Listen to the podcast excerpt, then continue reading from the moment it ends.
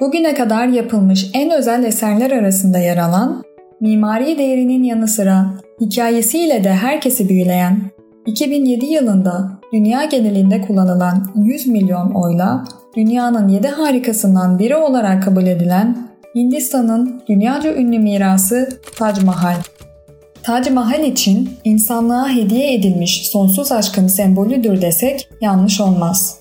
Ayrıca aşk için inşa edilen en büyük ve en güzel yapı olarak kabul edilmektedir. Babür İmparatorluğu'nun 5. hükümdarı Şah Cihan tarafından genç yaşta ölen 20 yıllık eşi Ercüment Banu Begüm için o zamanki imparatorluğun başkenti olan Agra'da Yamuna Nehri'nin kıyısına inşa ettirilen türbedir. Ercüment Banu, güzelliği, zekası ve yardımseverliği ile bütün imparatorluğun gönlünü fethetmiş en seçkin sultan olarak bilinir. Bu vasfından dolayıdır ki anlamı sarayın sevgili süsü olan Mümtaz Mahal adıyla anılıyormuş. Şah Cihan, çok sevdiği eşini gittiği her yere götüren, onun fikirlerine ve zevkine önem veren biriymiş. Bu duygulu, zeki ve güzel kadın 1631 yılında 14. çocuğunu doğururken vefat etmiş. Şah Cihan ise eşinin ölümünün ardından 2 yıl yas tutmuş. Öylesine yıkılmış ki Tac Mahal onun için bir takıntı haline gelmiş ve ölen eşini yaşatmak için bu yapıyı kusursuz yaptırmaya karar vermiş. Özgün mimarisiyle fark yaratan, doğulu batılı pek çok ünlü yazar ve şaire ilham veren Tac Mahal, tamamen parlak, ince ve mavi damarları bulunan beyaz bir mermerle kaplanmıştır. Taşın parlaklığına atıfta bulunan Babür şairleri onu şafak vakti veya bir bulutla karşılaştırdı ve şunu yazdı. Şafağın parlak yüzünün renginin bir cennetidir. Çünkü yukarıdan aşağıya ve içten dışa mermerdir. Hayır, yarı saydam renginden dolayı mermer değil, göz onu yanıltabilir bir bulut için.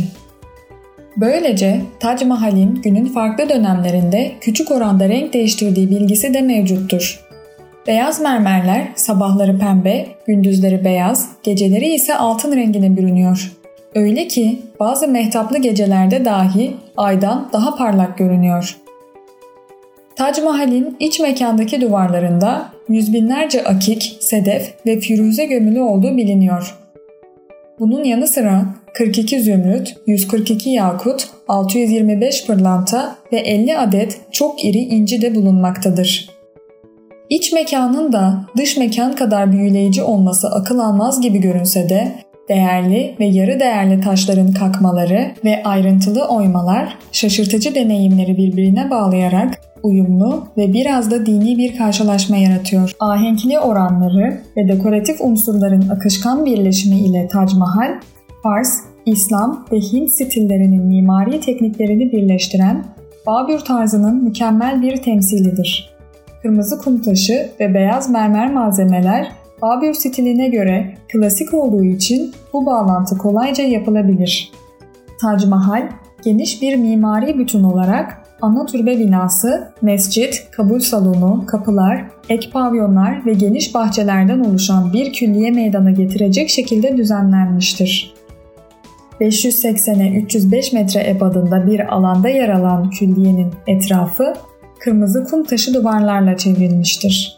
Külliye, güneyde taç kapısıyla dikkati çeken giriş bölümü, onu takip eden ve kare bir alan oluşturan bahçe kısmı, kuzeyde yer alan türbe, kabul salonu ve mescit olmak üzere üç kısımdan ibarettir.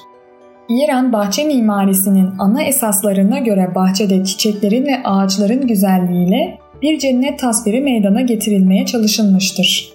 Ortada geniş, yanlarda daha küçük üçer kubbeyle örtülü yan binalardan doğudaki kabul salonu ve misafirhane, batıdaki mescittir. Bu yapıların ortasında bütün ihtişamıyla yükselen ana türbe kare bir kaide üzerinde yer almaktadır. Köşelerde bulunan 42 metre yüksekliğindeki minareler tarafından çevrelenen ana türbe binası sekizgen bir plana sahiptir. Yapı merkezinin sekizgen bir iç mekan, bu iç mekana bağlanan dört geniş eyvan ve bu eyvanlar arasında koridorlarla orta alana bağlanan dört köşe odasından oluşan bir planı vardır. 32 metre yüksekliğindeki büyük sivri kemerli eyvanlarla dışarıya açılan binanın her cephesinde büyük eyvanların yanlarına getirilen iki katlı, sivri kemerli küçük eyvanlar yerleştirilerek mimari ahenk ve simetri çok daha etkili hale getirilmiştir. Bu küçük eyvanlar içerideki iki katlı mekanlarla da bağlantılıdır. Yapının üstündeki dış kubbe geniş bir kasnak üzerinde büyük bir haşmetle durmaktadır. Bu kubbe üzerindeki alemin ucuna kadar binanın tabandan yüksekliği 74 metre olarak tespit edilmiştir. Ortada yüksek tutulan eyvanlarla bir ölçüde dışarıdan görünüşü engellenen kubbe kasnağının yanlarına yerleştirilen dört küçük kubbeli birimler vasıtasıyla görünüşü çok daha zarif ve ihtişamlı hale gelmiştir. Türbenin örtü sistemi Hint İslam mimarisinin en güzel örneklerinden birini oluşturmaktadır. İçinde mermer sandukaların yer aldığı orta mekanın güney girişi dışında kalan bütün girişleri paravanlarla kapatılmış olup bu paravanların üzerinde cam mozaik dolgu malzemesiyle yapılmış bezemeler mevcuttur. Üst katlarda da dış cephelerde de rastlanan bu cam mozaik bezemelerle ışık oyunları yapılarak aydınlatılan boş orta mekanın akustik düzeni dillere destan olmuştur. Sandukaların yer aldığı orta mekanın altında asıl gömünün yapıldığı mumyalık bölümü bulunmaktadır. Özel bir akustiğe sahip olan ana kubbenin içindeki bu orta mekanda bir flütün tek notasının 5 kez yankılandığı bilinir. Kemer aralarında Kitabelerde ve sandukaların üzerinde bulunan zümrüt, yakut, pırlanta, iri incilerden ve diğer kıymetli taşlardan oluşan malzemeyle desteklenen bezemenin esasını meydana getiren kitabeler ve arabesk motifler yapının içinde ve dışında yer almaktadır. Ana türbe binası ve külliyenin diğer bölümlerinde bulunan kitabeler dini mahiyettedir ve Kur'an-ı Kerim'den ayetler içermektedir. Bunların arasında en meşhuru cephelerde yer alan Yasin suresi olup bizzat Şah Cihan tarafından İstanbul'dan davet üzerine Hindistan'a seyahat eden Hattat Septar Han tarafından yazılmıştır. Yapının mimarları arasında ise Mimar Sinan'ın talebeleri olan Mehmet İsa Efendi ve Mehmet İsmail Efendi'nin adı geçer. Vefatından sonra Şah Cihan'ın naaşı da Mümtaz Mahal'in yanına defnedilmiştir. Bugün Tac Mahal'in içinde bulunan iki kabir Şahcihan ve Mümtaz Mahal'e aittir. İnşa edildiği dönemde 1 milyar dolara denk gelen 32 milyon Hindistan rupisine mal olan Tac Mahal'in yapımında işçiler, ressamlar, hattatlar, taşçılar, nakışçılar ve diğerleri toplam 22 bin kişi ve binden fazla pil çalıştırılmış. İnşaatı 1632 yılında başlanmış ana türbe tamamlanıp çevredeki diğer binaların başladığı 1648 yılına kadar ısrarla devam etmiştir. 1983'te UNESCO Dünya Miras Listesi'ne dahil edilen yapı günümüzde her yıl 3 milyon ziyaretçiye ev sahipliği yapmaktadır. Elbette bu kadar güzel ve ihtişamlı olması sebebiyle yapı hakkında birçok efsane ortaya çıkmıştır. Tac Mahal ile ilgili en ilginç efsane Tac Mahal'i yapan işçilerin kollarının bir daha böyle muhteşem bir yapı yapmamaları için kesilmiş olduğudur.